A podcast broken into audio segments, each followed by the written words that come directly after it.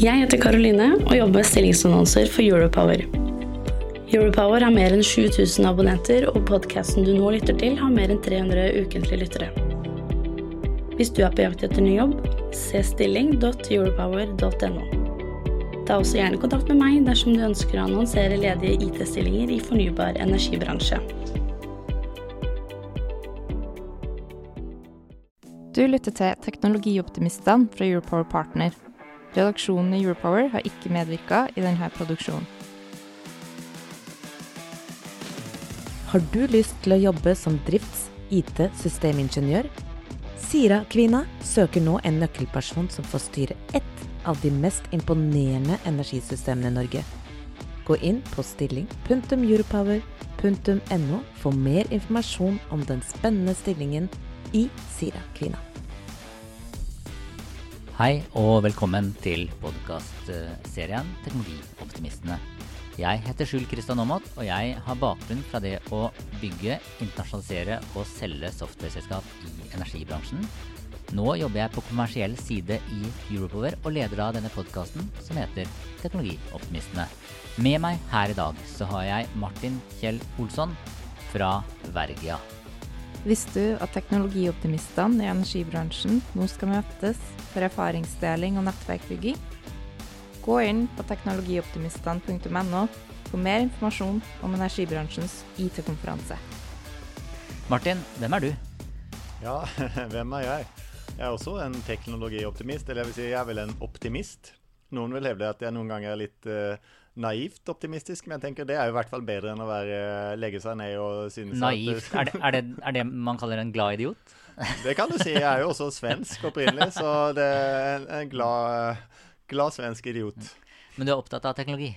Jeg er opptatt av teknologi. Jeg har jobbet hele livet mitt i teknologi, kan man jo si. Noen vil jo hevde at ABB, hvor jeg har vært lenge, er litt sånn traust industriselskap. Det er jo litt det òg, men uh, det er først og fremst et uh, veldig aktivt teknologiselskap. Og så har jeg vært litt andre steder òg, men den røde tråden har vært energi og teknologi.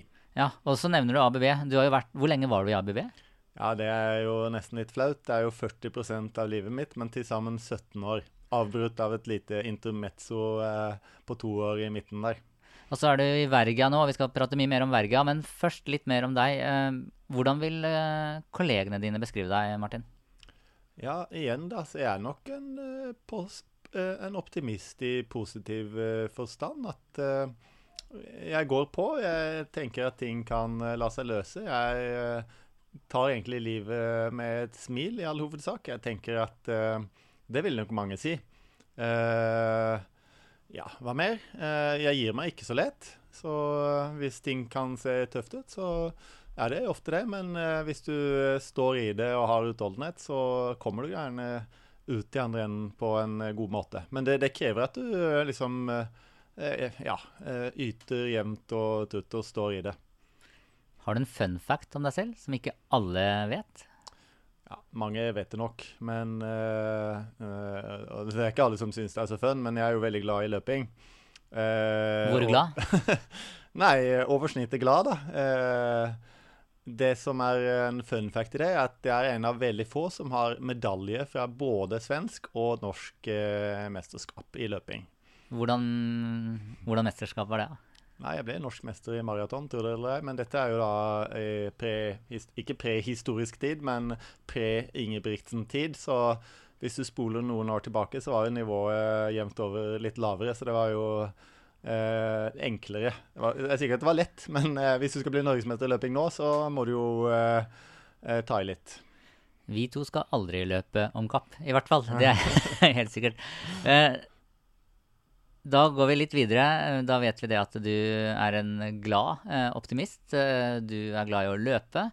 Eh, du har vært var det 17 år i ABB. Eh, og så skifta du plutselig beite til Går det an å kalle Verga et startup, eller hva, hva, hva er Verga egentlig? Det går an å kalle det et startup. Altså, det er jo et selskap som er stiftet uh, i år, eller mindre enn et år siden. Uh, så i den forstand så er det jo et startup. Men uh, vi er ikke en startup i den forstand at eh, det ikke er noe vi skal bygge en eh, app fra scratch. Altså vi er, Du får lønn, liksom? eh, vi, vi er kapitalisert slik at vi, vi får lønn, og så jobber vi med å kapitalisere oss eh, enda mer, slik at vi kan eh, utvikle selskaper som eh, lager eh, grønne assets, kan man jo si i, i kort. Alt det her skal vi innom. Først kapitalisering, eller, eller først finansieringen. Hvem eier dere nå? Nå eier Arendals Fosse Company oss eh, 100% Så eh, det er en veldig god, eh, god og trygg eh, eier til å begynne med. Og så kommer vi til å jobbe med å eh, potensielt ta inn eh, andre eiere òg. Men per nå er det de så må jeg bore litt i det navnet. Arendal Fossekompani. Ja, Det høres jo ut som et eller annet fra Filmavisen. på en måte. Men det er jo to, eh, eh, to ord i det selskapsnavnet. sant? Og først har du Arendal. Så Ja. at, eh, de, de kommer derfra. Det er veldig lett. Og hovedkontoret er der og sånn. Og den tilhørigheten på Sørlandet er jo viktig, selvfølgelig. Men så er det Fosse Kompani. Eh, og det er det. De har eh, to kraftverk som snurrer og går. Og de er veldig gamle. Eh, vi snakket tidlig forrige århundre. Og bakgrunnen for de kraftverkene var at eh, eh, Sam Eide var jo en eh, aktiv person i industrialiseringen eh, av eh, Norge. sant? Den historien kjenner sikkert mange til, og grunnla Hydro, eller det vil si det som er Yara mye nå, da, osv. Men eh, også eh, et smelteverk i Eidehavn. Og det smelteverket trengte jo kraft. Og det var ikke så lett å få tak i, så da lagde han et eget kraftselskap eh, for dette her. Og det er jo eh, eh, Arendals eh, Fosse Company, som i den tiden også eide linjene ned til eh, Eidehavn. Og så lurer sikkert noen på hvorfor sitter vi her da og prater hvis alt dette handler om Foss og Arendal. Men mm, hva er det Arendal Fosskompani gjør i dag? De gjør jo fortsatt det. De kraftverkene de, de eh, genererer eh, kraft og som selges ut i markedet. Men det er jo en veldig fin kontantstrøm, og det man jo, oppdaget man jo ikke i går. Det har man oppdaget for mange tiår siden, at den, den kontantstrømmen er en, en fin base for å gjøre investeringer i andre eh, energidimensjoner. Så det har man jo vært i sikkert 50-60 år, et investeringsselskap. Ikke bare i energi, men i all hovedsak i energi. Og da er det ikke energi sånn som i utelukkende kraftgenerering. De har ikke bygd eh, flere kraftverk, men de har investert i teknologi knyttet til eh, energi. Så, så Arendal Fosskompani tjener, eller tjente og tjener penger på kraft, bruker overskudd inn i å gjøre eh, nye startups eller å utvikle nye selskap som har med energi å gjøre, men som ikke har direkte med kraftproduksjon å gjøre. Det Veldig enkelt kan man si det sånn, og der kommer jo Verga inn, da, for vi er jo litt unntaket der. For vi er jo et selskap som skal etablere nye selskaper som da bygger eh, kraftverk eller energi, utvikler energiprosjekter. Ja, og, og da er vi inne på derfor, hvorfor vi sitter her og ser det nå i dag, i dette ganske kule bygget Rebell. Eh, eh, hva er det altså, Eller hvor mange er Vergia nå? Eh, Nå har vi fem personer. fem personer. Mm. Finansiert av Arendal Fosskompani og skal gjøre et eller annet. Hva, hvis vi skal ta heispitchen, hva er Vergia? Berge er en eh, samling av eh, posisjoner i eh, energiselskaper. Så for eksempel Det er alltid enklere hvis Ja, jeg kan gi deg la, eksempler. la meg forstå. Eh, så vi finner partnere, og så etablerer vi selskaper som skal utvikle ja, kraftverk i, eller assets i ulike energivertikaler. Tar det første først, da. Vi har et selskap som heter North Ammonia. Det eier vi 50% av, og Grieg eier den andre halvparten. De skal bygge fabrikker som lager ammonia. Eh, som kan brukes som eh, fuel til fartøy osv. Så, videre. så har vi et annet selskap, det heter Seagust eh, altså havbris på norsk. De skal eh, utvikle vindparker til havs. De er eh, For de norske arealene så har de laget et eh, joint venture sammen med Vattenfall. For å eh, forhåpentligvis vinne areal til å bygge vindparker i Norge. Ja, og Da er de med og konkurrerer med type, eh, de konsortiene med Agder Energi og med Shell og med andre. Med andre, og, men, men eh, vi mener at de er en veldig god konstellasjon. Og her kommer min eh, bakgrunn eh, litt inn. Jeg er jo både svensk og norsk. Ja. Eh, nordmenn er veldig gode på å lage ja, øh, vanskelig, eller flotte strukturer som står eh, vanskelige steder. F.eks. oljeplattformer øh, i et stormende hav øh, på dypt vann. Men svenskene er ja, relativt gode på å skalere opp industriproduksjon. Hvis du kan kombinere de to verdenene, hvilket vi håper og tror at vi kan, så, så har du en god posisjon for å skape verdi innenfor eh, vindkraft. Fordi til forskjell fra uh, offshore olje og gass, så er ikke dette sånn eh, highly engineered one-off assets. Det er flytere og turbiner og mye annet rundt som må skaleres opp og nærmest serieproduseres hvis du skal klare å uh, få billig nok kraft ut i andre enden. Og hvis du tar et svensk konsern sammen med et eh, norsk kraftkonsern og slår det sammen, så kan det bli eh, eh, en god kombinasjon. Så er jo jeg født i Asia, da, i Sør-Korea. Er det ikke asiaterne som er best på dette med serieproduksjon? Jo, jo. Eh, absolutt. Jeg sier ikke at du skal nødvendigvis skal produsere det i Sverige, men du må skjønne hvordan industriell serieproduksjon fungerer. Og det er klart at norske redere og oljeselskaper har også fått plattformer bygget i Asia, men da er det typisk satt kontrakt for eh, en one-off, sant? Mm. Og så latt noen verft i Asia konkurrere om å få bygge akkurat den. Her må du tenke litt annerledes. Du må finne partnere som ikke bare skal lage én for deg, men som skal lage én og to og tre osv. Mange. Og da, Den, den, eh, den eh, liksom bakgrunnen det svenske næringslivet har for å sette opp det, både i Sverige og andre steder i verden, den er verdifull. Vi skal komme inn på IT, men først, sånn at jeg forstår mer. Dere utvikler selskap. Dere går, altså Verga utvikler selskap. Dere går gjerne sammen med partnere. Det er helt riktig. Vi finner partnere i en eller annen vertikal. Eh, Jeg nevnte ammoniakk og havvind. Vi har også et hydrogenselskap sammen med Kongsberg og Moreld, som er jo en del av Hightech Vision, Ja. eh, videre. Og det er noen vertikaler Og hvordan kan kommer disse ideene på bordet for, med fem, eh, fem ansatte? Sitter dere og skanner eh, Har dere noen databaser og finner ut ja, disse bør vi kanskje starte noe sammen? Eller hvordan, hvordan går det fra idé til faktisk eh, et selskap? Nei, eh, det kan godt hende at det er lure ting som står i databaser. Så jeg skal ikke si at du ikke kan se på, på, uh, i. Men uh, ideene kommer jo eh, ved at vi snakker med andre aktører som har en glød og brennende interesse for å eh, skape nye verdikjeder eh, ja, innenfor det grønne skiftet. Og det, det er liksom i samspillet eh, med, med andre at eh, ideene oppstår. Og så Eh, og så blir man enige om å OK, la oss se om vi kan sette opp et selskap da, som kan ta en posisjon, f.eks. i energilagring. Visste du at teknologioptimistene i energibransjen nå skal møtes for erfaringsdeling og nettverkbygging? Gå inn på teknologioptimistene.no for mer informasjon om energibransjens IT-konferanse. Så kan dere jo ikke sette opp uendelig med selskap. Er det lett å, å forelske seg i feil selskap, at prosessen går for langt før dere finner ut at nei, det, det her er jo ikke liv laga? Ja, nå er vi jo Vi har jo holdt på bare et uh, snaut år, så Nyforelska.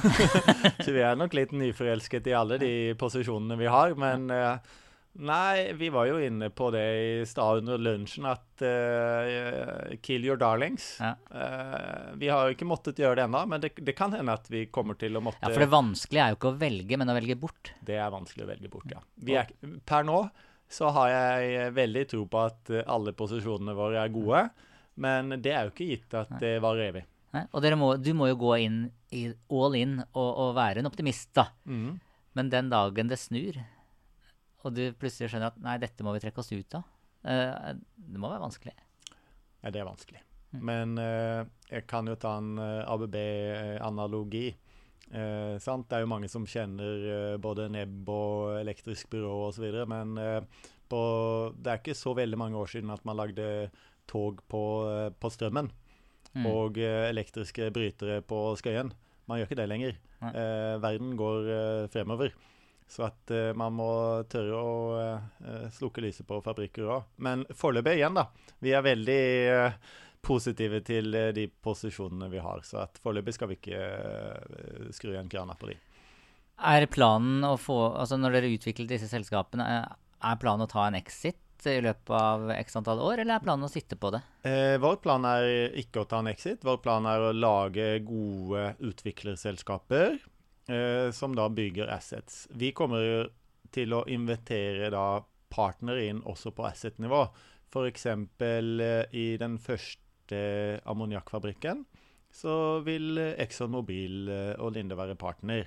Og tilsvarende eh, ser vi jo nå i havvind, sant. Der er det jo, det er jo Seagust som vi eier halvparten av. De har lagd et joint venture med Vattenfall. Så det er klart at når, når du da skal bygge hvis, vi, hvis, de vinner frem og får et areal til å bygge vindpark på, eh, så kommer vi nok ikke å gå inn med eh, like mye kapital som eh, andre. Så at vi vil bli vannet ut på asset-nivå. Det vil mm. vi bli. Men eh, vi, vi har ikke satt opp sånn at vi skal flippe posisjonen. Eh, så vi vil fortsette vi, vi, er langsiktige eiere i utviklerselskapene. Hvor lang, det er strategien. Hvor lang runway har Vergia Selda? Altså, for dere tjener jo ikke penger i dag. Nei, nei, nei.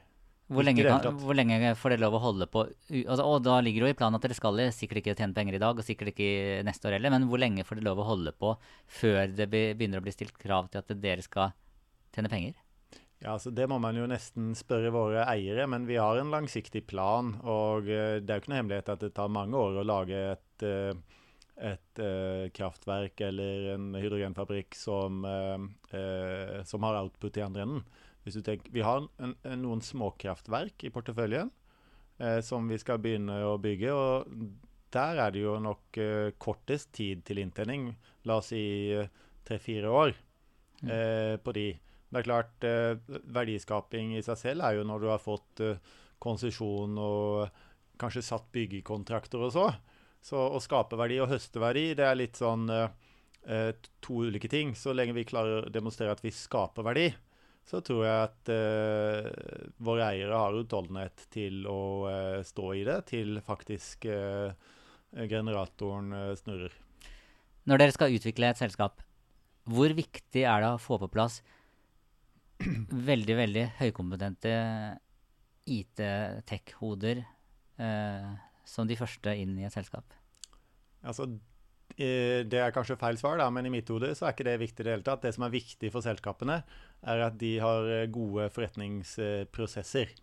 Og det er klart... Hva, hva, mener du med det? Det mener med at eh, de ikke bruker uh, unødvendig mye tid på feil ting. Så en av de mest Ja, de nyeste episodene her, i denne podkastserien som jeg følger med både glede og interesse, så intervjuet du vind.ai, sant? Ja. Uh, og Det er jo et eksempel på en IT-løsning som forenkler livet til en uh, utvikler, hvis man kan si det enkelt. Så det er jo ikke viktig at vi får inn masse tech-folk i, i, våre selskaper, men det er viktig at de faktisk uh, ser Men de må skjønne De må skjønne hvordan de kan bruke IT for å være effektive og ta gode beslutninger. og rett og slett drive, sette opp butikken sin for å bli effektiv. Jeg har jobbet noen år i salg i, i mitt forrige liv, i ABB, sant? Ja. Og det finnes jo både gode og dårlige IT-løsninger. F.eks. så hadde vi jo et kundebehandlingssystem, det kjenner sikkert du til, at det finnes flere av de. Eh, hvordan eh, Altså måten å ha gode salgsresultater på er jo ikke å Eh, fylle inn eh, ditt kundebehandlingssystem eh, perfekt, slik at grafene ser bra ut. Måten å selge mye på er jo å være ute mye og snakke med kunder. Kanskje først og fremst lytte til dem. Eh, og så bør du ha et enkelt system i, i bakhånd som eh, hjelper deg med det. da. Mm. Eh, tilsvarende også hvis OK, jeg må nesten ta en løpeanalogi. Ja. Jeg, jeg, har bekjente i løpsmiljøet som bruker mer tid på å skrive blogg og treningsdagbok enn å faktisk løpe. Kan man stille seg spørsmålet om det er eh, rett bruk av tid. Og sånn tenker jeg eh, eh også når det gjelder eh, IT. Du skal jo ikke bruke tid på IT bare for å bruke tid på IT. Eh, du må jo bruke det for å eh, skape forretningsverdi. Så det er litt sånn det som er filosofien når vi ser på den dimensjonen av selskapene våre. Men hvor, hvor viktig er IT viktige altså, på, altså, For jeg antar at det er noen synergier ved at dere er med og eier flere eh, selskaper. Hvor viktig er IT-forretningsprosesser på tvers av eh, si, eh, Kanskje ikke siloene, men på tvers av vertikalene, eh, der dere eier? Eh, forstår du spørsmålet? Jeg forstår spørsmålet. Det er klart, eh, det kommer til å bli veldig viktig. Det er et element vi har ikke jobbet så mye med opp til nå, for å være helt ærlig. Men eh, la meg ta et eksempel igjen, da. Eh, I vår sfære med Arendals Fossekompani så finnes det jo også Volue.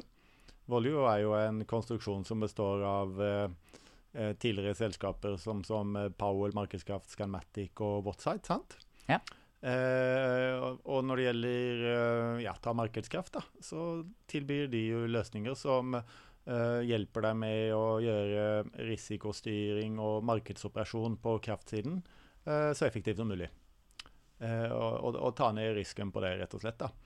Eh, og det er klart at sånne relasjoner og sånne typer verktøy som vi kjenner godt, skal vi i hvert fall gjøre alt for at det blir tilgjengeliggjort på en fornuftig måte til selskapene vi har i vår portefølje. Så skal jeg faktisk uh, Jeg vet ikke om jeg sa det, til deg, men jeg skal, neste jeg skal ha inn i denne podkasten, er CEO i Volue. Ja, så bra. så verden er liten. Ja. Uh, på lunsjen i dag så sa de meg at ja, det er jo ikke IT som er viktig, det er OT. Ja. Hva, hva, mener du med det? Og, og, til dere som lytter, eh, vi hadde en kort lunsj før vi gikk i studio. Så ja. Ja, det var veldig hyggelig, og var god mat til meg. Ja, det var kjempegod mat. Mye bedre enn hos oss. ja, ja, ja. Nei, vi sitter jo bare på låntid, så det, det, kommer jeg til å savne. Men ja, OT, operasjonell teknologi, sant. Eh, du kan si at uh, i, i, mitt hode da, så skapes jo verdien i felt, og kanskje ikke på et kontor. Eh, og sånn er det i IT-OT-verdenen òg, at eh, OT er jo det som skjer eh, ytterst nærmest prosessen. Og prosessen kan jo være alt fra å liksom lakkere en robot, eller, en robot som lakkerer en bil, til olje og gass som kommer opp og blir prosessert på en plattform. Så det er teknologien rundt å overvåke og styre og gjøre den eh, fysiske verden eh, effektiv og sikker, eh, det er OT. Så ytterst så har du sensorikk. Du har trykkmålere, du har ja, termometere, du har andre sensorer og instrumenter som måler hvordan prosessen går. Og så har du et kontrollag oppå det igjen. Og over der så har du et eller annet styresystem, altså et SCADA eller et prosessautomasjonssystem. Det er OT. Eh, og det kan uh, gjøres eh, treigt og dårlig, eller eh, godt. Hvor viktig er OT, da? For å, la oss glemme IT. Hvor, hvor viktig er OT for, for de selskapene dere går, inn, dere går, inn, og utvikler? Veldig, veldig viktig. Hidepoint, som jeg nevnte så vidt, det er en flytende enhet som har en substasjon. Altså den samler kraften fra en vindpark, og så har den en hydrogenfabrikk. Så den er et grensesnitt mellom en havvindpark og et fremtidig hydrogenrørnettverk. Eh, den kan du jo designe på eh, to ulike måter. Du kan eh, lage den slik at du må ha masse folk der som vrir og skrur og ser til at den er top notch hele tiden. Eller så kan du gjøre den så autonom som mulig. At den kan nærmest styre seg selv. Selvfølgelig med en liten uh, nudge her og der fra folk. Men uh, og, og, for å få til en lavmannet asset i, langt ute på havet, så må du tenke ganske nøye på hvordan du setter opp ditt OT-system. Altså Du må instrumentere den kanskje noe mer enn du ville gjort hvis du hadde hatt folk der, osv. Så, videre, så det er jo helt sentralt at vi lager uh, assets i disse selskapene uh, som kan uh, driftes så effektivt som mulig og så sikkert som mulig. Og så kan du si det sånn at Ja, men gjør du ikke det i dag, da? Ja, for, det, det, for det, er mitt spørsmål. Hvor, hvordan er bransjen i dag?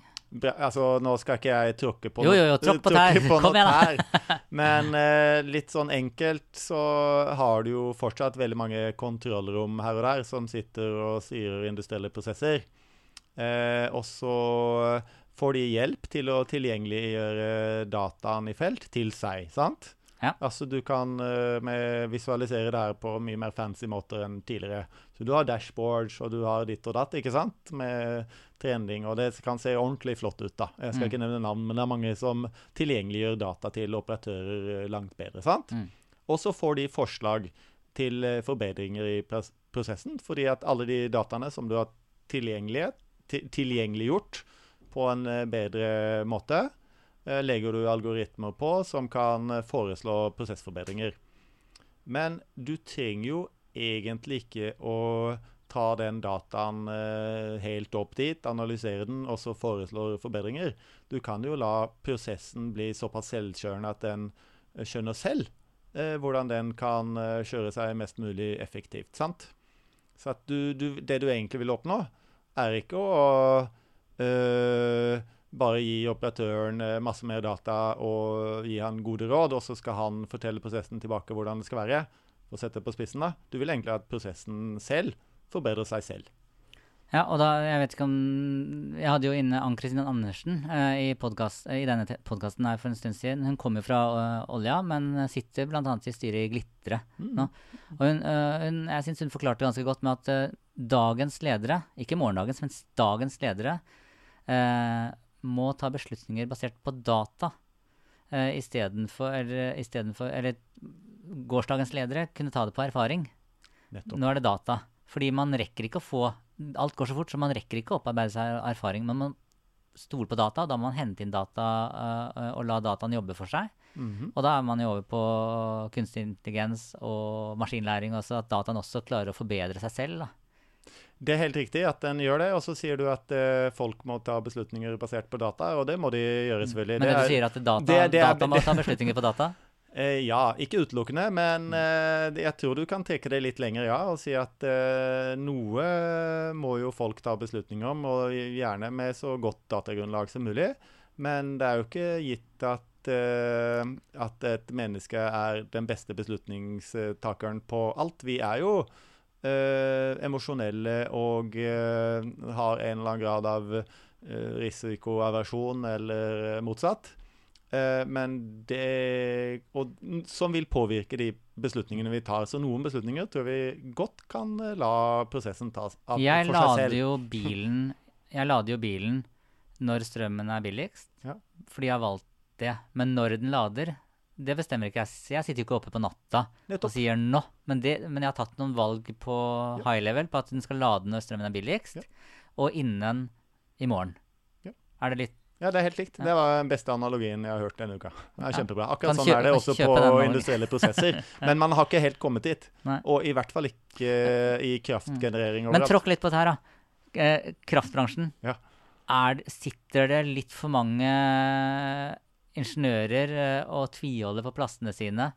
Uh, eller på rollene sine, fordi man uh, Altså roller som egentlig kunne blitt overlatt til data, og så kunne beslutningene blitt bedre. Det kunne gått raskere, og man kunne kutta lønnskostnader. Nei, det syns jeg ikke i det hele tatt. Uh, Det er jo ikke der skoen klemmer, egentlig. Hvor klemmer den, da? Eh, det, Hvor klemmer løpeskoen? Hvor klemmer løpeskoen? Nei, jeg tror at hele bransjen er klar for å um, gjøre det her på en bedre måte. Det er klart, Vi, vi, vi trenger mer kraft inn i systemet. Vi er en del av en europe, eh, europeisk eh, energiverden. Det er jo eh, alle blitt enda mer klar over i år. Så jeg tror ikke det er noe motstand blant noen folk og sånn. og det er klart, Du kan alltid kutte noen lønnskostnader her og der, men det, det, er, jo liksom, det, er, det, det er jo ikke det som er målet. Eh, målet er eh, A, å få eh, transformert kraftsektoren. Den er ganske grønn i Norge i dag, skal sies. da. Men i, på verdensbasis den må bli mer bærekraftig. Det er helt åpenbart. Det er nummer én, og det er, det er veldig få som er imot det. Eh, og nummer to, ja, jeg tror eh, hvis du kan slippe å ta masse beslutninger av eh, ting du ikke egentlig bryr deg så mye om, så tror jeg folk flest ville ønske det hjertelig velkommen. Og så kan du bruke tid på å bygge gode relasjoner eh, å skape tillit. Du var jo sikkert på ONS, eh, Ja, ja. det vet jeg at du var, for jeg så deg der. Og temaet i år var tillit. sant? Og tillit mellom folk skaper du ikke ved å eh, få masse data i et dashboard og så velge om du skal gå til høyre eller venstre. Tillit skaper du i sånn som nå, gode Mm. samtaler med folk. Så å få frigjort tid til det, tror jeg er alle ønsker velkommen. Visste du at teknologioptimistene i energibransjen nå skal møtes for erfaringsdeling og nettverkbygging? Gå inn på teknologioptimistene.no for mer informasjon om energibransjens IT-konferanse. Jeg har jo kjent deg en stund nå, eh, profesjonelt, eh, fra ABB-tiden og sånn, så det tar tid å bygge tillit, og, og derfor tør jeg også spørre litt eh, Prøve å få deg litt ut på glattisen, men det klarte jeg ikke. Eh, ok, vi går nå inn for landing. Eh, det er ett spørsmål som jeg alltid stiller i denne podkastserien. Eh, kanskje det viktigste av alle spørsmål. Min første datamaskin, det var en Amiga 500. Og Martin, hvilken datamaskin var din første? Ja, Det kjedelige svaret var jo at det var en Commodore 64. Men jeg har en litt uh, lengre historie rundt det hele, hvis jeg kan få utbrodere. Ja, ja. Eh, naboen min på den tiden han hadde en uh, Atari, og det var noe litt kult, da. Men eh, det som var aller kulest, var eh, en av min mors kollegaer. Han var pilot, og han hadde en IBM med printer. Det, og det, vi snakker tidlig 80-tall her. Ja. Det var, og tegne, det var tegneprogram, og det var avantgarde da. Og da, fikk, det liksom, da tjentes uh, gnisten i meg selv. Jeg skal ha meg en ordentlig datamaskin selv, så fort jeg kan. Så da fly, vi flyttet da til uh, Norge i uh, 1990. Da var jeg tolv år. Eh, og da begynte jeg året etterpå å gå med avisen. Det kan man gjøre med Mm. lønn fra du er 13. Så da brukte jeg to år på å spare opp penger, og så kjøpte jeg en, eh, en 386-maskin Ja. med Windows eh, 3.0 for 13 000 kroner i eh, 1992. For altså pe egne penger spart fra avisgåing. Tenkte, Og ikke- tenkte du ja. at det var lurt? Det var lurt. Eh, og ikke bare 386. Jeg måtte også kjøpe en matteprosessor. For prosessorene den gangen kunne jo ikke gjøre flytallsberegninger. Da måtte du ha egen matteprosessor. så jeg kjøpte en 387-prosessor eh, i tillegg, da. Og så da kunne jeg eh, rendre litt eh, kul grafikk og, og sånn, da. Eh, og det tok jo eh, Det kunne jo fort ta 24 timer. Men det syns mange var ganske fort, da, den gangen. Da håper jeg at du uh, i Vergia har uh, at, det er, at det er Vergia som betaler datamaskinen din nå, og at den er enda raskere enn det, det du måtte bla opp og, og kjøpe selv uh, den gangen. Tusen takk til deg, Martin Kjell Olsen, for at du eh, tok deg tid til å være med i denne podkasten. tusen takk til dere som uh, lytter til uh, podkasten. Jeg heter Skjul Kristian Aamodt og jobber i Europower og er en teknologioptimist. Og Martin, hva er du? En uh, glad eh, og eh, positiv teknologioptimist. Tusen takk. Har du lyst til å jobbe som drifts-, IT-, systemingeniør? Sira-kvinna søker nå en nøkkelperson som får styre ett av de mest imponerende energisystemene i Norge. Gå inn på stilling.europower.no for mer informasjon om den spennende stillingen i Sira-kvinna.